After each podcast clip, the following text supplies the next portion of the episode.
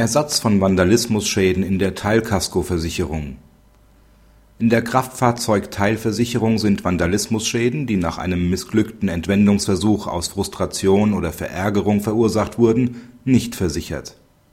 Der Kläger hatte seinen Motorroller auf einem Parkplatz abgestellt. Nach seiner Darstellung versuchte ein Unbekannter den Roller zu entwenden. Der Täter habe dabei den Roller umgeworfen und beschädigt.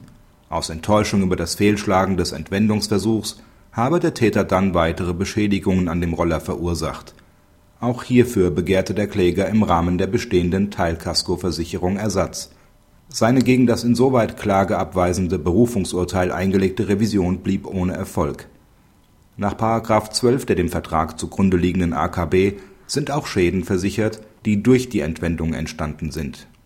Der BGH geht davon aus dass ein durchschnittlicher Versicherungsnehmer erkennt, dass Vandalismusschäden nicht durch die Entwendung verursacht worden sind.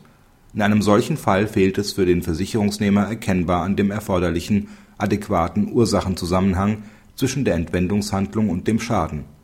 Dieses gilt auch dann, wenn die Beschädigungen am Fahrzeug aus Verärgerung und Wut über eine fehlgeschlagene Tat oder zu geringe Tatbeute verursacht worden sind.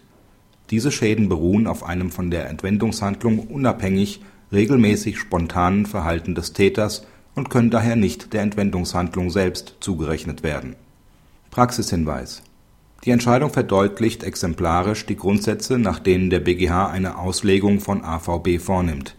Danach ist auf den durchschnittlichen Versicherungsnehmer abzustellen. Insoweit ist zu berücksichtigen wie dieser, der bei der Auslegung vom Wortlaut ausgeht, die Bestimmung bei verständiger Würdigung, aufmerksamer Durchsicht und unter Berücksichtigung des erkennbaren Sinnzusammenhangs verstehen muss.